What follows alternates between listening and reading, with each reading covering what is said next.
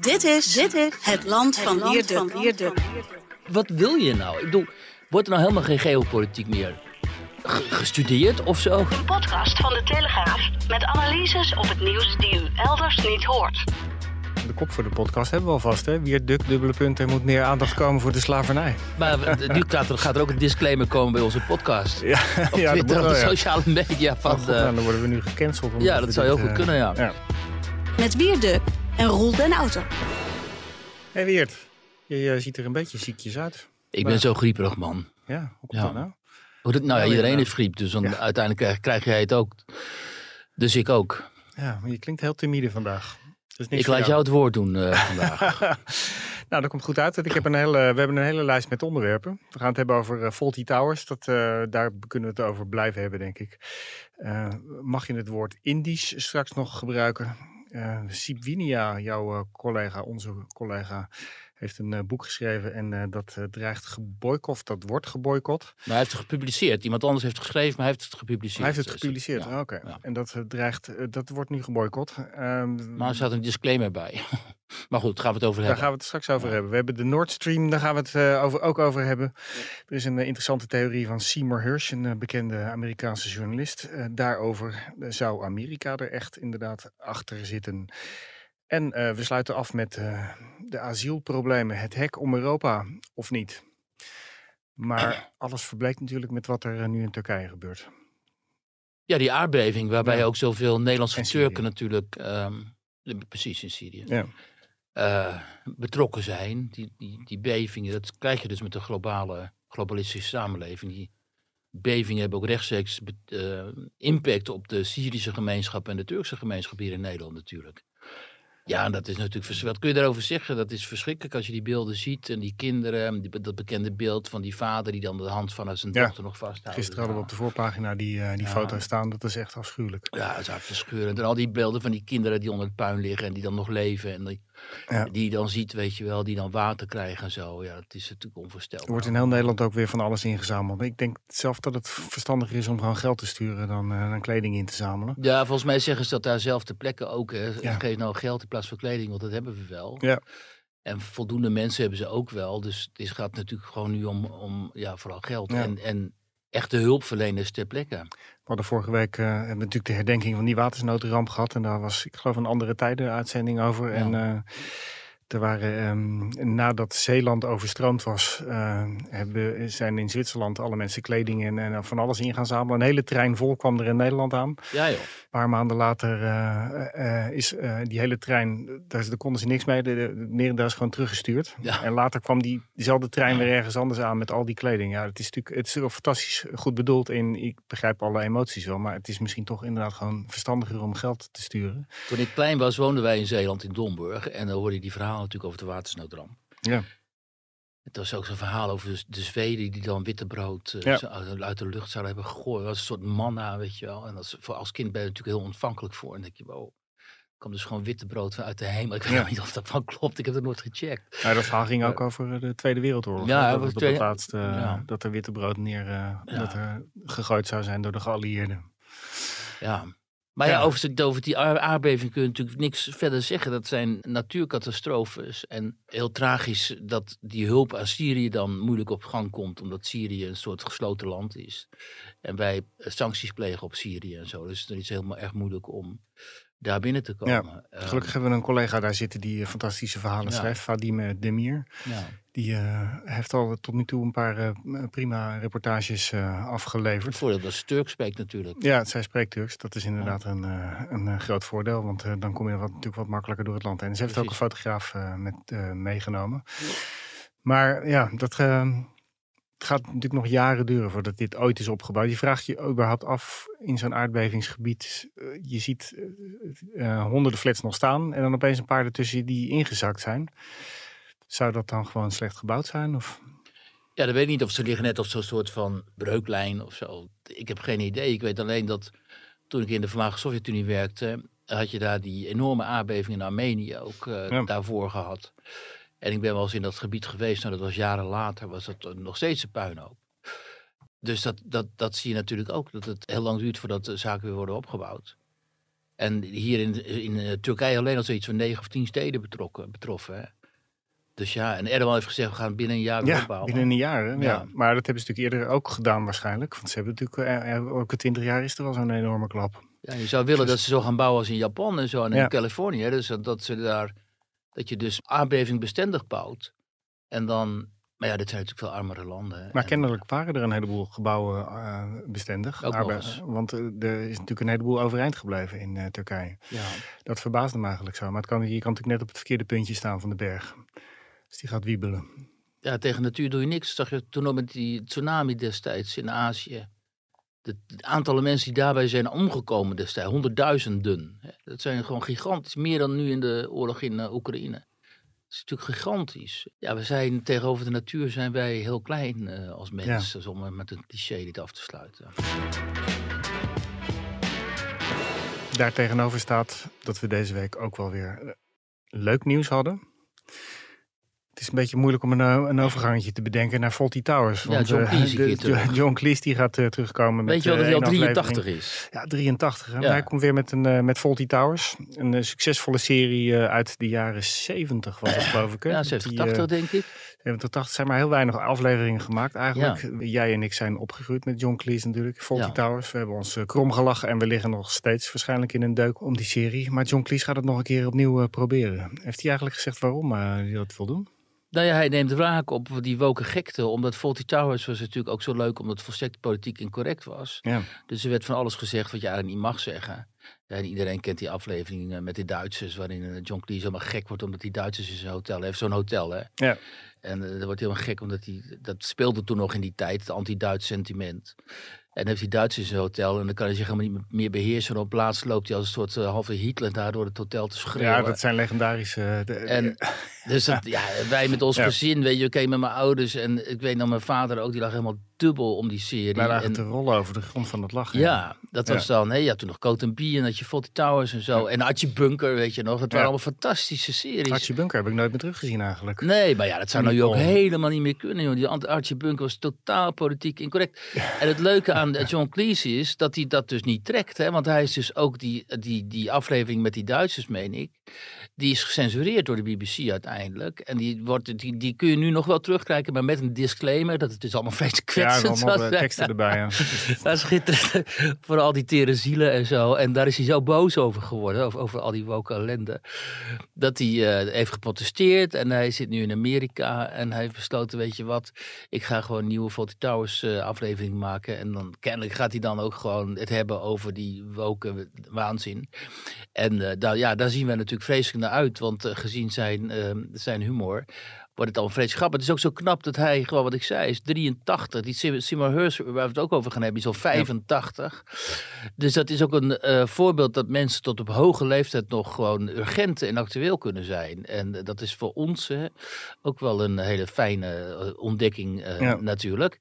Maar ehm, ik ben dus heel benieuwd waar die snowflakes, zoals het heet, al die gekwetste zielen die niet meer het onderscheid tussen f- feit en fictie kunnen zien. Hoe die gaan reageren. Dat, dat, dat is trouwens wel ontzettend interessant, die ontwikkeling van tegenwoordig. De mensen dus helemaal niet meer kunnen onderscheiden dat fictie fictie is. Hè? En dat Max Pam had wel een leuke column in de Volkskrant hierover. Die schreef van ja, bij het Amsterdamse volkstoneel vroeger, eeuwen geleden. Had je dan ook wel eens dat zo'n acteur die dan een hele, hele vervelende rol speelde, zoals fout iemand, dat hij dan na afloop belaagd werd, omdat mensen niet helemaal konden onderscheiden, is hij nou echt of is hij nou een acteur? Ja. En, maar dat zie je dus tegenwoordig ook. Dat heb je gezien nu met die, met die affaire rond die kinderboekenweek eh, schrijver, of hè, die. Lammers. Die dus eh, ook geassocieerd wordt met het personage dat hij heeft beschreven in zo'n verhaal. En die krijgt dan allemaal doodswensen doods, eh, wensen en zo. En, en eh, het is eh, Thierry Baudet overkomen. Die had een boek geschreven waarin iemand eh, eh, met een verkrachter, geloof ik. En toen werd Thierry Baudet van beschuldigd dat hij ook ja, een verkrachter eh, is. jaren mee achtervolgd. Ja. Ja, en dat is dus allemaal zo onv- onvoorstelbaar dom.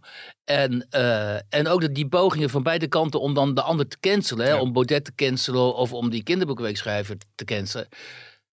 Het is een kinderboekweekschrijver. Hè? Het, hij zou, Ja. ja, ehm, dat is zo ongelooflijk dom. Maar dat is zo ook van deze tijd. Hè? En, ehm, Eh, en dat gaat nu met Cleese natuurlijk ook gebeuren. Die komt sowieso zo meteen met die afleveringen van Fawlty Towers. En dan gaat de hele meute natuurlijk weer over hem heen. Ja. Dat het allemaal helemaal niet kan wat hij zegt. Misschien gebruik, gaat hij het N-woord wel iemand, door iemand laten Nou ja, gebruiken. precies. Die, een van de bijrollen in uh, Fawlty Towers was van uh, Major Gowan. Oftewel de acteur Ballard Berkeley. Ik uh, moet zeggen dat het mij... Een oude ijzervreter was Een dat. oude ijzervreter, een, ja. een, een legerofficier. En die ging daar... Uit kolonia koloniale tijd. Die ging daar altijd flink tekeer. And the strange thing was that throughout the morning she kept referring to the Indians as niggers. No, no, no, no, no, I said. Niggers are the West Indians. These people are wogs. oh, no, no, no, she said. All cricketers are niggers. Als je dat stukje zo geïsoleerd hoort, dan denk je, waar gaat dit over? Ja, maar nu gaat er, gaat er ook een disclaimer komen bij onze podcast. Ja, op Twitter, op de sociale media. Van, Oh, God, nou, dan worden we nu gecanceld. Ja, dat zou heel dit, goed kunnen, ja. ja. Ja, maar dit dus. En uh, ja, dit kan dus tegenwoordig niet meer. Maar um, ik, ik, ben dus heel erg benieuwd hoe ver. Uh, ja, Major, Major Gowan die zal uh, niet meer optreden, want die is in 1988 al eh, overleden. Ja, dus. Becky is een echtgenote die heeft Alzheimer. Ja, en, precies. En Manuel, die, die Spaanse bediende, is ook al overleden. Oh ja? Ja. Oké, okay, oh, dat wist ik niet. Ja. Manuel from Barcelona. Die schopt de hele tijd door het hotel. ja. ja, ik zie hier, de, ik zie hier Heine kijken, die is natuurlijk wat jonger. Die Volgend onderwerp. Waar, waar, waar gaat het in godsnaam over? In de koloniale geschiedenis kan ik me eigenlijk niet meer voorstellen... dat we een curriculum gaan bouwen... waar de hele koloniale geschiedenis met alles wat eraan vastzit... Mm -hmm. denk weer erom aan slavernij, verleden, migratie... Ja. dat dat geen plek zou hebben in het Nederlandse onderwijs. Nee. Nou, over cancelen gesproken. Uh, het woord uh, Indisch mogen we misschien straks niet meer gebruiken. Er is een commissie deze week gekomen met, uh, met aanbevelingen... over geschiedenislessen, over ons... Indische verleden. Jet ja. Bussemaker is daar uh, de gangmaker van die commissie geweest. Ja. Je zult ook nooit eens een commissie hebben die dan iets zich richt op de slavernij of op het Indisch verleden. Die zegt van, joh, zoals we daar tot nog toe mee om zijn gegaan, is eigenlijk prima. We gaan niks veranderen. Ja. Nee hoor, er wordt een commissie in het leven geroepen. En je weet natuurlijk alweer gewoon de conclusie. Uh, we moeten van alles veranderen. Notabene ook de term Indisch. Moet, ja. Daar moeten we anders mee omgaan. En we moeten intersectioneel, nou dat is echt een helemaal zo'n term uit die woke uh, wetenschap ook. Moeten we dan het onderzoek uh, doen naar ons zeer schuldige natuurlijk verleden in Nederlands-Indië. Wat ook niet meer zo genoemd mag worden dat is uh, Indonesië of uh, een voormalige kolonie Nederlands-Indië. Dus um, ook bij de aanpak van, dus bij het onderwijs van ons koloniale verleden in Indonesië, moet er vooral heel erg veel aandacht worden besteed aan alle uitwassen, excessen en alle ellende die we daar hebben veroorzaakt. En die paar kleine successen of eh, de manier waarop de Nederlandse aanwezigheid daar misschien ook wel heeft gezorgd voor enige vooruitgang of uh, voor enige vorm van laten we het zeggen, uh, in beschaafd bestuur en zo. Ja, daar, daar mogen we ons niet op richten. Maar nu is er gelukkig de Nederlandse geschiedenisleraar van het jaar, met wie ik af en toe ook bij die talkshow half acht zit, een jongen uit Friesland, die altijd alleen maar verstandige dingen zegt. En die zegt nu ook in reactie op dit rapport van oké, alles goed en wel. En natuurlijk moeten we meer aandacht besteden aan ook die excessen tijdens, die, tijdens die, dat koloniale verleden van ons, vind ik ook wel trouwens. Ik vind ook dat we meer aandacht moeten hebben in het onderwijs aan de slavernij. Want ik wist daar verder ook heel weinig van uh, toen ik uh, jong was. Um, maar hij zegt ja, maar dat moet niet betekenen dat we alleen maar uh, negatief hierover gaan onderwijzen. Er zijn ook allerlei positieve aspecten te benoemen. En die gaan we ook benoemen, omdat we moeten in, dit moet in balans zijn, dit onderwijs. Dus dat is wat we gaan doen. Nou, dat vind ik dan heel fijn. Zo'n nuchtere jongen uit Friesland, dat is zo'n 6, 27 of zo. Die dit, dit, soort dingen dan zegt. En die dan ook nog eens een keer is uitgeroepen tot geschiedenis van het leraar van het jaar. Omdat hij zo ontzettend populair is ook bij zijn leerlingen. Ja, de kop voor de podcast hebben we alvast. Hè? Wier Duk, dubbele punt. Er moet meer aandacht komen voor de slavernij. Oei, nou dat was een andere podcast. ja. Nou, ik, Maar ben, ja, ik, ik ben, je- eh, ik ben eh, vorige maand met eh, de vader eh, van, mijn, eh, van mijn vrouw naar een bijeenkomst. Die heeft in ons Indië gevochten. Ja. En, eh, die moest als dienstplichtige, is die, heeft hij vier jaar lang, is die van 1946 tot 1950, eh, is die daar geweest. bij die acties. Die heeft daar afschuwelijke Oh. dingen meegemaakt. Hij heeft zelf niet aan die acties eh, meegedaan. Maar er was laatst een eh, bijeenkomst met, eh, met die minister in, in een herdenkingscentrum. Was het? Dus Soest was het geloof ik. Het Veteraneninstituut Ja. was het. En die man is eh, 96. Zo. En die maakt zich nog steeds heel erg boos dat hij daar destijds heen gestuurd is. Al die dienstplichtigen, die jongens, die moesten op voor een nummer. Die konden er eigenlijk niet onderuit. Er zijn er maar een paar die geweigerd hebben. Ja. Die hebben daar de meest afschuwelijke dingen meegemaakt. Bij hem viel het relatief nog, uh, nog mee. Maar het is wel afschuwelijk om te zien hoe daar een hele generatie uh, jonge jongens daarheen gestuurd is en daar eigenlijk een deel van hun leven verpest hebben. Nou ja, en een aantal, groot aantal van hen heeft daar natuurlijk ook verschrikkelijk huis gehouden. Ja. Hè? En vervolgens hebben de Indonesische uh, separatisten, of uh, ja, vrijheidsstrijders of rebellen, hoe moet je het noemen, nationalisten ook, die hebben ook verschrikkelijk huis gehouden in die BSJAP. Dus die hebben tegenover de Nederlanders ja, het is natuurlijk wel zo als, je, begaan. Als, als, jij daar als dienstplichtige soldaat uit Groningen uh, daar komt en je ziet uh, dat een van je maten overhoop wordt gestoken of met een machete wordt vermoord, dan, gaan er dan gaan er excessen gaan er plaatsvinden. Dat is natuurlijk uh, afschuwelijk. Ja, en het zou mooi zijn als we nou eens een keer in de geschiedschrijving dit allemaal zou, weliswaar zouden benoemen, maar ook met enige afstand en zouden zeggen: oké, dat was in die tijd, dat was de decolonisatieperiode. In de, de hele westerse wereld was aan het decoloniseren. De Britten, de Fransen, wij. Dat gebeurde op een heel gewelddadige manier vaak. Dat was ook een uitvloeisel van die kolonisatieperiode. Dat het op zo'n manier gebeurt, daar moeten we van leren. Maar dan moeten we niet nu alsnog weer met de vinger gaan wapperen naar mensen uit die tijd ook. Nee, want zij hebben het gevoel dat zij de schuld van alles uh, Ja, precies. Ja, dat, en dat vind ik en zo fout altijd. nu die commissie met bussen maken natuurlijk ook wel weer een beetje aan. Van jongens, wat waren we toch weer fout toen? En wat hebben we allemaal niet goed gedaan? En...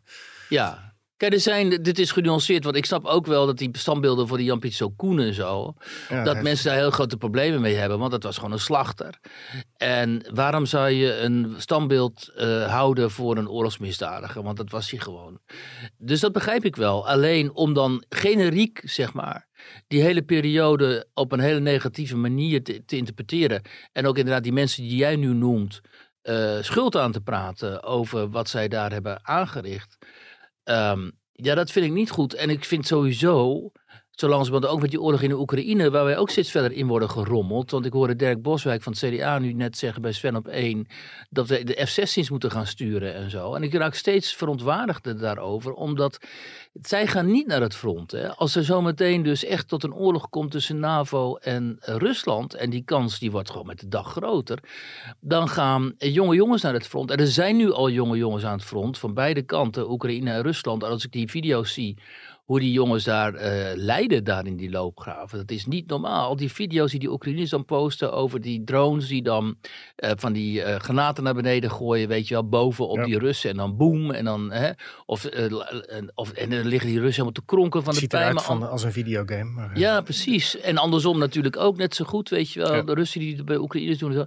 Het is gewoon een verschrikking. En dan dat oorlogsritueel hier, waar ook D66 vooral heel goed in is, hè, D66 notabene, weet je wel, de partij van Alexander Pechtold die lachend uh, paf paf riep over de Nederlandse strijdkrachten. Dus die helemaal niet in de gaten had hoe beledigend dat was. En die nu gewoon uh, hardop pleitte, shoot maar ook weer het Kamerlid van de week, die met zijn handen in de zak op de foto stond toen hij van de week in Kiev was bij zo'n, met zo'n delegatie. Ja, die ook weer roept dat we F-16's moeten gaan leveren. Ja, we nemen de podcast net op, uh, op uh, na de toespraak van Zelensky in het Europees Parlement. En uh, daar werd ook openlijk gezegd door Europese parlementariërs... we moeten vliegend materieel moeten heen. Ja, dus ze wil, het is echt alsof we aan de vooravond van de Eerste Wereldoorlog zitten... Kijk, Zelensky heeft in Londen, waar hij was, gepleit ook voor wings. Give me wings, voor ja. de freedom. Dus de, en hij doet dat nu niet in het Europees Parlement, maar dat doet het Europees Parlement dus zelf wel. Want inderdaad, die voorzitter die pleitte ervoor ja. voor nog zwaardere wapens. Het lijkt wel of we aan de vooravond van de Eerste Wereldoorlog zitten. toen we ook naar een frisse en vrolijke oorlog zouden gaan. En dat hebben we vervolgens uh, bekocht met miljoenen doden. En misschien moeten mensen even uh, die daaraan twijfelen. die film in Westen niks Nooiers bekijken. Wat dus op Netflix uh, is die een fantastische film is. Um, Waar gaat hij over? Nou ja, dit gaat dus over die loopgraven. De Eerste Wereldoorlog. Ja. En hoezeer dus, ja, wat voor, wat voor een verschrikking dat was. En in die loopgravenoorlog nu, tussen die stellingenoorlog nu tussen Rusland en Oekraïne, dat is gewoon ongeveer hetzelfde. Er worden dan honderden mensen per dag, honderden uh, soldaten per dag gaan dan dood. En dan hebben ze aan het einde, end of the day, hebben ze 10 meter winst geboekt. Of zo. Ja, Oekraïne meldde een paar dagen geleden dat er duizend Russische soldaten waren gesneuveld, zouden zijn gesneuveld volgens hun... Uh er zijn nu, dag. Ja, er zijn nu dus gewoon misschien wel al wel 200.000 Russen dood. Ze noemen dat ook de zombie-soldaten. hè. Daar hebben ze het over. eh, die, eh, het zijn vaak die Wagner-vrijwilligers die eh, vooruitgestuurd worden. het Nou ja, dat in. zijn, dan, dat zijn dan Wagner heeft dus zwaar zitten recruteren in de strafkolonies en in de gevangenissen. Dat zijn dus gewoon voor een heel groot deel misdadigers die Het dan... zouden 40.000 zijn. Hè? Ja, Het, en die worden dan vooruitgestuurd Ja. als, als kanonnenvoer. Net zoals in, tijdens de Tweede Wereldoorlog. ja, maar kunnen we nog terug? We Ja, natuurlijk kunnen we terug. Hoe dan?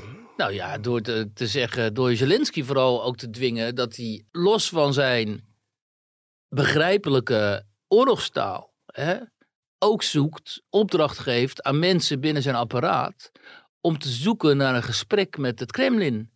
En natuurlijk hebben we wel ingangen. Rond, rond Poetin moeten we ook mensen benaderen. En zeggen, joh, dit gaat aan alle kanten fout. Ook voor jullie, want het gaan jullie ook niet volhouden. Er moet eh, gepraat gaan worden. En dan moet de uiteindelijke conclusie zijn, die Krim, die, die hoort sowieso bij Rusland. En over de Donbass moeten we autonome status of zo afspreken. En mensen die net zoals op de Balkan het geval is geweest.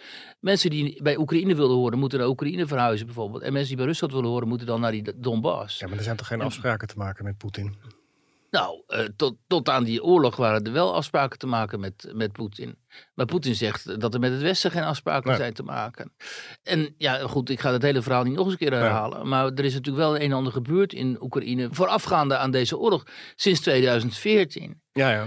En goed, daar gaan we zo meteen ook over opkomen als we over Nord Stream eh, gaan hebben. Het is natuurlijk niet zo, en dat vind ik ook zo vervelend, en zo wordt het ook geframed door D66 en ook door veel media en zo, dat we hier alleen maar te maken hebben met een overlevingsstrijd en een vrijheidsstrijd van de Oekraïners. Dat hebben we wel, zeker. En het regime in Rusland is gewoon zwaar vergiftigd en, en eh, als je de propaganda ziet en die propaganda-uitzendingen op tv en zo, gewoon psychopathisch geworden. Maar Poetin was natuurlijk nooit echt een psychopaat. Poetin was altijd heel erg beredeneerd en, en had een plan. Ehm, namelijk die invloedssfeer van Rusland veiligstellen. En als je in, die, in die omgeving van de voormalige Sovjet- Sovjet-Unie. En als je nu hoort westerse analisten en zo en commentatoren die ervoor pleiten om door te gaan tot het moment dat de Russische federatie ook uiteenvalt. En dat er daar een soort onafhankelijk Tatarstan en onafhankelijk Siberië en onafhankelijk Bashkirië en zo zal ontstaan. Die mensen zijn gewoon hartstikke gek. We hebben dat experiment dus eens een keer meegemaakt. We hebben ten eerste het experiment met uiteenvallen van de Sovjet-Unie meegemaakt. Dat heeft tot allerlei oorlogen geleid tussen Armenië, Azerbeidzjan, noem maar op, Georgië, Rusland, noem maar op. Vervolgens hebben we het experiment meegemaakt met soort van onafhankelijkheid binnen de Russische federatie. Namelijk, Tsjetsjenië kreeg heel veel autonomie van Yeltsin. Dat werd binnen de kortste keren werd dat een bloedbad. Omdat die Tsjetsjenen naar de wapens grepen. Die trokken Dagestan in en elders. En die gingen in een oorlog voeren met de Russen. Dus nu wil jij, ondanks al deze afgrijzelijke ervaringen. Ondanks wat, dat wij weten dat, dat in Rusland de centrale macht sterk moet zijn om die regio's ook onder controle te houden, zeg maar.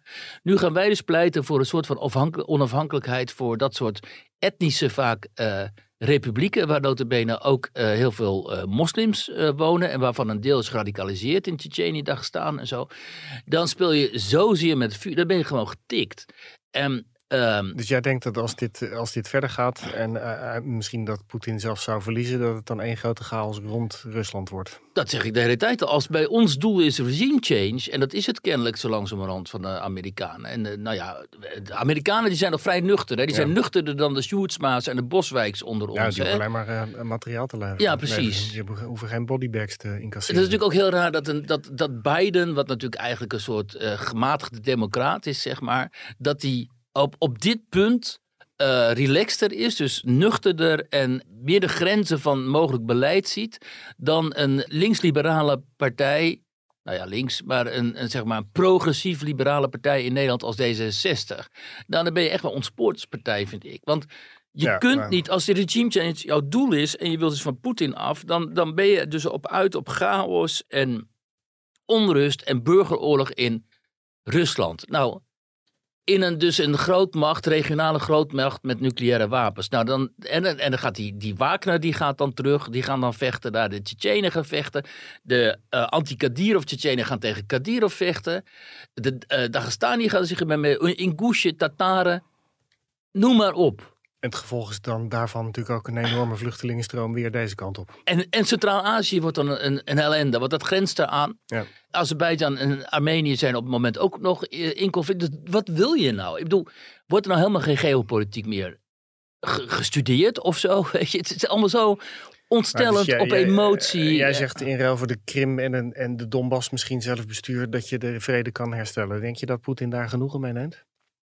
Want daar heeft hij alleen de Donbass mee gewonnen, dus eigenlijk een stuk. Ja, maar hij heeft natuurlijk de hele tijd gezegd, ja, op het laatst niet meer. Toen ging het echt om het ontkende hij het rechtmatig bestaan van soevereine staat Oekraïne. Maar aanvankelijk heeft hij natuurlijk steeds gezegd: het gaat mij om het beschermen van die etnische Russische minderheden. Die al lang weg zijn daar nu. Nou ja, kijk, het, is een Russische doctrine. Hè? De Karaganov-doctrine is: er zijn 25 miljoen etnische Russen buiten de Russische Federatie in die voormalige Sovjet-republieken.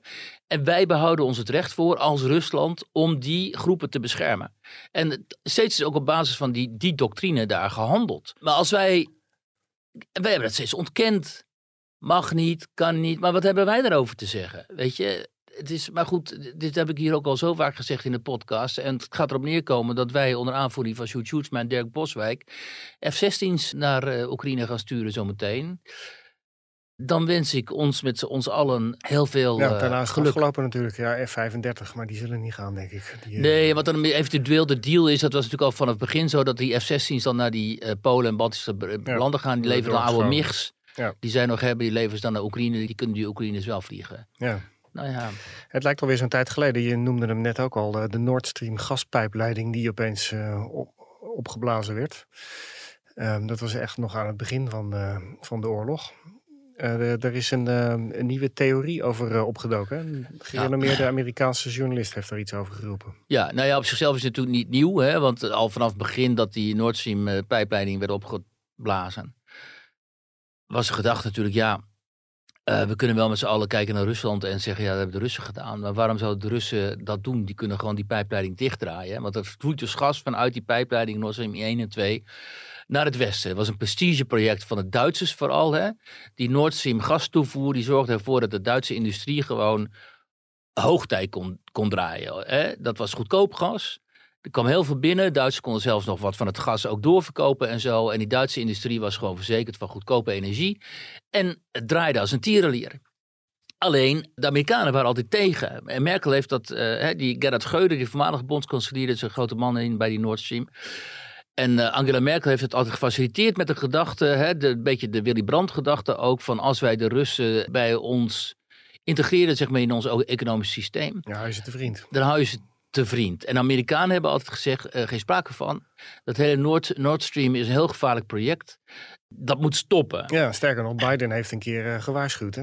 If Russia invades, that means tanks or troops crossing the border of Ukraine uh, again. Then uh, there will be no longer Nord Stream 2. We, we will bring an end to it. En, en dit is dus na de invasie. Maar ook al voor de invasie hebben ze enorme druk uitgeoefend op, op Duitsland om niet Nord Stream. Want voor de Russen, voor de, voor de Amerikanen is de grote, uh, grote angst is Duitsland en Rusland dat in een alliantie op het Europese continent, zeg maar belangrijk zijn. Dus het is altijd zo van je moet Rusland containen, je moet Duitsland weliswaar als bondgenoot moet je klein houden en wij zijn de baas uh, in de wereld en ook in Europa. En door dat Nord Stream uh, werden Russen veel te belangrijk in zeg maar, de economische ontwikkelingen in Europa. Hè, wij profiteren daar immers ook van als Nederland. En de Amerikanen hebben altijd gezegd, dat moet niet. Maar goed, uiteindelijk eh, ontstond er dan toch.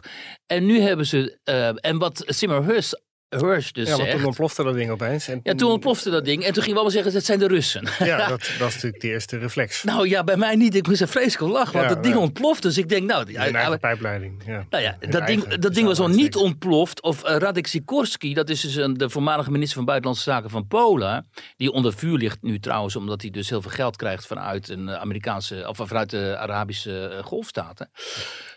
Dat is een ander verhaal. Maar die was ooit minister van Buitenlandse Zaken. En die was um, heel instrumenteel in de kwestie Oekraïne in 2014. Samen met Karl Bildt was Sikorski de man die de Oekraïners aanjoeg. En zei: joh, um, ga door met die revolutie. Uh, jullie moeten van Rusland weg.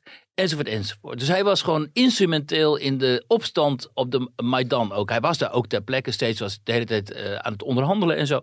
En toen werd die uh, Nord Stream opgeblazen en wat tweet uh, Sigorski met een foto van dus dat, die zee. Ja, dat die ding is onder water, die borrelende zee. spectaculaire- Waar allemaal afgrijzelijke gassen naar boven komen, waardoor wij nog meer aan het klimaat moeten gaan doen van eh, GroenLinks zometeen.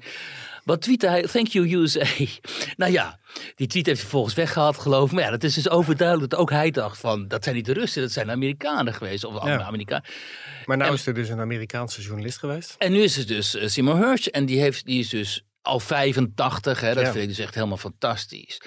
Dat is dus de man die, dat weten onze hier, ons eh, producers ook niet, maar die dus in de jaren 70 Milai-schandaal, nou schandaal, de massamoord van de Amerikanen onder die, dat was een kolonel, William Kelly. Dat Ja, dat was de de, Vietnamoorlog die die Amerikanen daar aan het uitvechten waren. de Amerikanen, de- onder dat, dat, dat, die groep eh, van die Kelly, die hebben toen zo'n dorp uitgemoord, weet je nog. Vrouwen, Ja, ja. kinderen, zo, allemaal iedereen dood. En hij heeft het dus toen onthuld en het was enorm. Dat was ook een van de redenen van de anti-Vietnam-protesten en zo. Hè, de wetenschap dat die Amerikanen daar dus op zo'n vrede manier eh huis hielden. Hij heeft later over Abu Ghraib ook eh, zaken onthuld. Nou ja, dat weet ook allemaal wat dat was. Ja. Maar ja, En toen is hij in discrediet geraakt, omdat hij tijdens oorlog in Syrië eh, meldde dat die eh, chemische aanvallen daar waarschijnlijk niet door ehm, president Assad of door het regeringsleger waren gepleegd, maar door rebellen. En dat de White Helmets eh, daarbij ook betrokken zouden zijn geweest. En dat Amerika ervan af wist. En dat de Verenigde Staten daarvan af is. En toen is hij dus eh, gecanceld, zeg maar. Want ja, dat kan natuurlijk niet. En sindsdien is hij dus voor heel veel mensen is hij dus omstreden. dat zie je ook. Hij is nu af voor een hoop mensen. Nou, dat zie je ook in Nederland. Hè, want ehm, hij, heeft nu, hij, en hij heeft nu dus, dus een groot stuk geschreven waarin hij één bron heeft. Eh, dat is één bron is geen bron, weten wij. Anonieme bron. Anonieme bron die zegt dat de Amerika, gaan we het zo over hebben, dat die Amerikanen die dus allemaal die boel daar hebben opgeblazen, althans daarachter zitten. En dan zie je ook die reacties op Nederlands Twitter bijvoorbeeld ook in- heel interessant. Dan zie je dus Ilko Bos van Roosentaal en zo over Nieuwsuur en anderen ook en zo, die dan met heel veel twijfels hebben van ja, maar Simon Hurst is niet, meer- niet meer te betrouwen. en Zo. Maar ja, ze moeten er wel even aandacht op vestigen natuurlijk. Ehm, eh, omdat het wel een belangrijke onthulling is eventueel. Maar dan weten ze eh, niet zo goed hoe ze daarmee om moeten gaan. Want stel je voor het is waar, dan valt Ja. ook heel hun kaarthuis in elkaar. En wat hij dus eh, schrijft is dat, ehm, dat op een gegeven moment inderdaad besluit is genomen, we gaan die pijpleiding eh, opblazen. Precies eigenlijk wat Biden hier zegt in, bij die Mhm. persconferentie. En ook wat Victoria Nuland, de, die ook heel belangrijk en heel eh, bepalend is in dit dossier Oekraïne, al sinds 2014 ook. Die heeft het ook letterlijk gezegd. Die heeft laatst ook in een eh senaatshoring, horing, in een parlementaire Een hearing. setting hearing, heeft zij tegen Ted Cruz gezegd van, net als jij Ted, ben ik hartstikke blij dat we van die, eh, van die eh Nord Stream af zijn. Dus zijn, het, het komt de Amerikanen dus kennelijk heel erg goed uit. Ja, maar hoe erg En- is het ook dat het... eh, door- Ze hebben gewoon hun eigen belangen beschermd, de Amerikanen. Ja, dat kun je zeggen. Alleen dan hebben ze zich dus hun eigen belangen eh, beschermd ten koste van de Duitsers. Ten koste van hun... Ja, eh, maar die Duitsers wilden niet luisteren naar Amerika.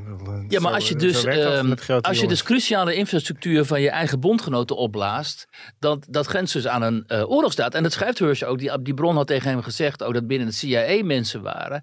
Die zeiden, begin hier godsnaam niet aan. Want dit, als het uit gaat komen, dan gaat het helemaal fout aflopen. En wat is nu het interessante van deze tijd? Kijk, ik weet niet hè. Ik- nou ja, deducerend kun je eigenlijk alleen maar concluderen. Het Westen heeft hier baat bij. De Amerikanen hebben hier enorm baat bij. Want die verkopen nu hun eh, LNG-gas aan ons. Ja. Dat is hartstikke duur. Dat was, ja, dat Ze lopen helemaal binnen van de wapenverkopen en van de gasverkopen. De Oekraïners doen het eh, werk voor hun aan het front. En de Europeanen die vangen de vluchtelingen op. Dus de Amerikanen hebben geen centje pijn en ze zijn van Nord Stream af. En ze hebben laten zien aan de Duitsers. Dan us. Hè? Ja, Want nu zie je wat wij zelfs als bondgenoot kunnen doen. Dus dit is heel logisch dat dit waar zou zijn. Ja. Ehm, want er is geen enkele reden om aan te nemen dat het profitabel zou zijn voor de, voor de Russen namelijk. Maar stel nu dat het inderdaad zo is. Dan zou dat dus enorme ophef moeten veroorzaken. Maar we leven nu dus in een tijd waarin zelfs een onthulling als die van Milai. Hè, stel, een journalist ontdekken dat Oekraïense strijdkrachten verantwoordelijk waren voor een slachting onder Russische of etnisch Russische burgers in de Donbass. dan zou het niet automatisch zo zijn dat dat een heel groot stuk zou worden of een heel groot item zou worden in het journaal of in de andere media. Dan zou het waarschijnlijk worden omgeven met allerlei omvloerste, zeg maar, bedenkingen. Klopt dit wel? Is het wel zo? Zijn het wel echt Oekraïners en zo? Net als nu met dit verhaal van die Heurs. Want hij wordt dus gewoon niet geloofd op zijn blauwe ogen. Maar, Maar, dat we komt zitten ook. natuurlijk allemaal in een soort van oorlogsflow, hè, waarin eh, dit soort negatieve berichten worden steeds meer weggestopt. En, eh, Nou, dat vind ik. En dat wil ik zeggen. Dat is dus heel erg maar dat slecht. gebeurt natuurlijk altijd bij oorlogen. Nou, in de Vietnamoorlog. praten. Ik neem, dat hebben ze in Indonesië of in ons Indië destijds ook gedaan. Eh, daar moesten ze ingrijpen, eh, die politionele acties, want eh, Nederlandse soldaten werden belaagd. En Ja, maar er is toch een verschil nu. daar met, sprak toen ook niemand over. Nee, de Golfoorlog ook niet. Maar uiteindelijk. De Golfoorlog zat er natuurlijk ook een soort jingo-mentaliteit voor. Gaan, hè, Ja. We gaan democratie brengen naar Irak en zo. Maar uiteindelijk met Abu Ghraib en zo, die onthullingen zijn wel boven water gekomen. En die hebben het, het verhaal over Irak natuurlijk wel heel erg eh, ook eh, veranderd. En met Milai en andere Amerikaanse oorlogsmisdaden in Vietnam net zo. En het moet ook zo zijn in Oekraïne dat we, vind ik, met meer afstand gaan kijken.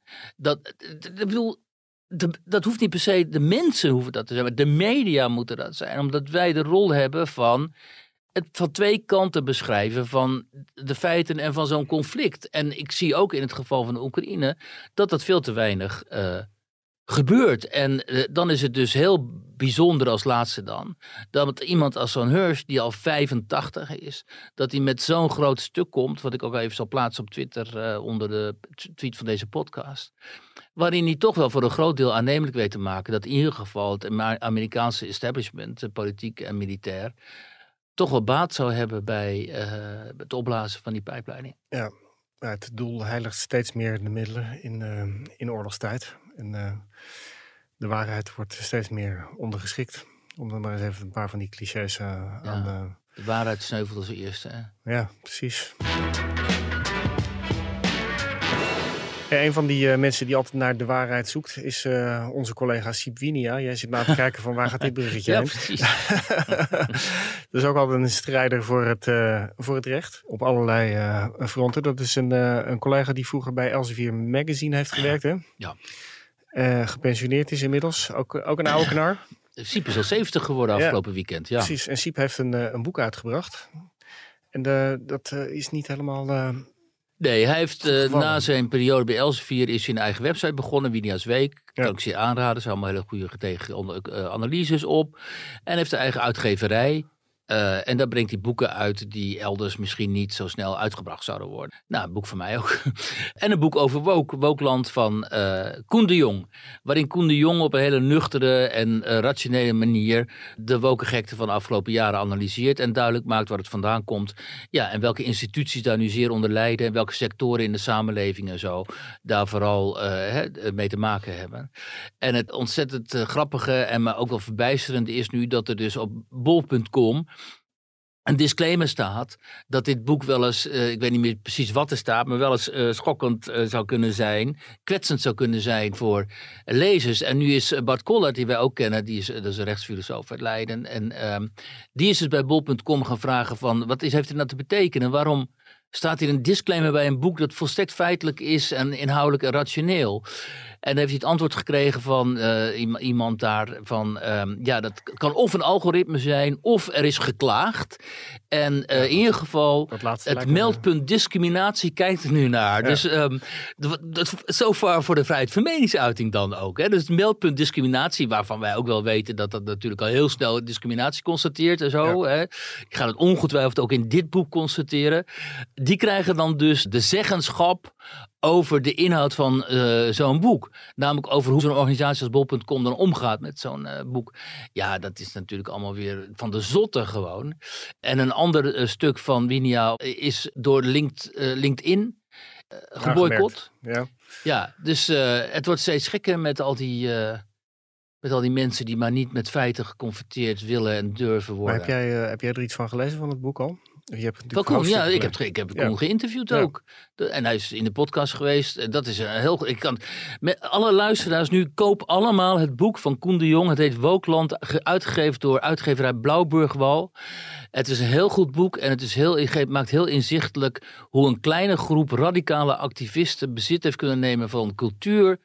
Uh, media voor een deel, uh, maar vooral de culturele wereld, de politieke en bestuurlijke wereld en zelfs ook de ondernemingen, omdat die ondernemers, ja, weten die veel, maar die willen niet achterblijven natuurlijk bij de trend in de samenleving. Dus als die denken van we kunnen meer geld verdienen door heel woke te zijn, dan gaan zij dat ook doen. En dat hebben die activisten heel knap uh, gedaan. En uh, Koen die beschrijft uh, hoe dit proces in zijn werk is gegaan, wie de hoofdrolspelers zijn en in hoeverre dit een gevaar is voor onze samenleving. Ja, ja, die activisten krijgen ons land steeds meer in de greep. Hè. Ik, net hadden we weer een melding dat ze nu ook weer. Shell is natuurlijk gevlucht naar Engeland een tijdje geleden. Nu gaan ze in Engeland gaan allerlei milieuorganisaties Shell daar ook weer aanpakken. Het wordt een soort van globale beweging die achter bedrijven en mensen aangaat. Hè. Dat wordt natuurlijk wel heel eng. Nou ja, en in Nederland gebeurt dit dan telkens via de rechter. Hè? Het hele agenda-arrest is afgedwongen via de rechter. Ja. Uh, kon die rechter ook niet zoveel aan doen. Ja, misschien wel. Maar ja, op, op basis van uh, het verdrag voor de rechten van de mens. Um, omdat wij, want wij hebben als mensen allemaal de, rechten om in een schone en veilige omgeving eh, te leven. En dat moet de, de, overheid, de Nederlandse staat moet er dan dus voor zorgen. Want die heeft zich dat, die hebben het afgesproken. En dan gaat Urgenda, als het dan niet gebeurt, gaat Urgenda naar de rechter. En die, dan zegt die rechter, ja, ik kan niet anders dan uh, jullie gelijk geven. Nou, hup, dan gaat het. Dus dan is het eigenlijk parlementen zo wordt dan gewoon helemaal omzeild. En een kleine groep van, van die de hele radicale activisten, die, dwingen ons gewoon allemaal hoe we moeten leven. En hoe wij ja, ons samenleving moeten ook omdat uh, misschien mensen iets te handig of te makkelijk hun handtekening zetten onder allerlei akkoorden omdat het parlement ook slechte wetten maakt, bijvoorbeeld. Ja. ja. daarover gesproken. We hebben natuurlijk ook de asielwetten in Nederland, waar ook uh, nou, enorm veel over geprocedeerd Ook zo'n uh, zo punt. Wordt, ja. En nu uh, wordt er in Europees verband over gesproken. Over de wel of geen muur, of uitbreiding van de muur. Want er staat al een stukje voor, om te voorkomen dat migranten hier binnenkomen. Hoe gaat dit aflopen, denk je? Nou ja, heel slecht. Omdat um, uh, ten eerste is Rutte dus binnen zijn eigen coalitie heeft die mot. Ja. Omdat VVD en CDA willen wel strenger asielbeleid. En die willen ook wel die muren en zo. Maar de, D66 en ChristenUnie natuurlijk weer niet. Ja, hij zit met zijn handen op de rug gebonden. Hè? D66 wil gewoon dat de hele wereld hier komt. En de ChristenUnie die is, veel, die is heel christelijk. Dus die vindt dat als we een muur bouwen... Naast dat dan, een liefde. Ja, als we een muur bouwen, komen de echte vluchtelingen moeten ook over die muur klimmen of zo. Dus uh, Don Zeder van de ChristenUnie, die, die is daar dan ook, ook op tegen. Ja, zij willen dat er allemaal deurtjes in die muur komen. Als je een muur dan plaatst, dan moeten er deurtjes in komen. En dan moeten mensen kunnen kloppen en dan moeten ze kunnen zeggen, ik wil asiel aanvragen. En dan moet je ze alsnog binnenlaten. Ja, dan, uh, dan kun je net zo goed die muur niet Als je dan nou doet, hè. Oké, laat het een argument van naaste liefde zijn, hè. Nou, prima, want christelijk en zo.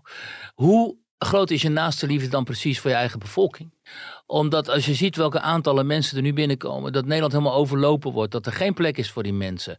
Dat allerlei gemeentes nu al hun hele sociale woningbestand uh, vrijmaken voor, uh, wat, nou ja, wat ze dan nog hebben, voor uh, statushouders. Zodat Nederlanders die hier al hè, geboren en getogen zijn. En die kinderen hebben die ook wel eens een keer in een, in een zo'n sociale huurwoning willen trekken.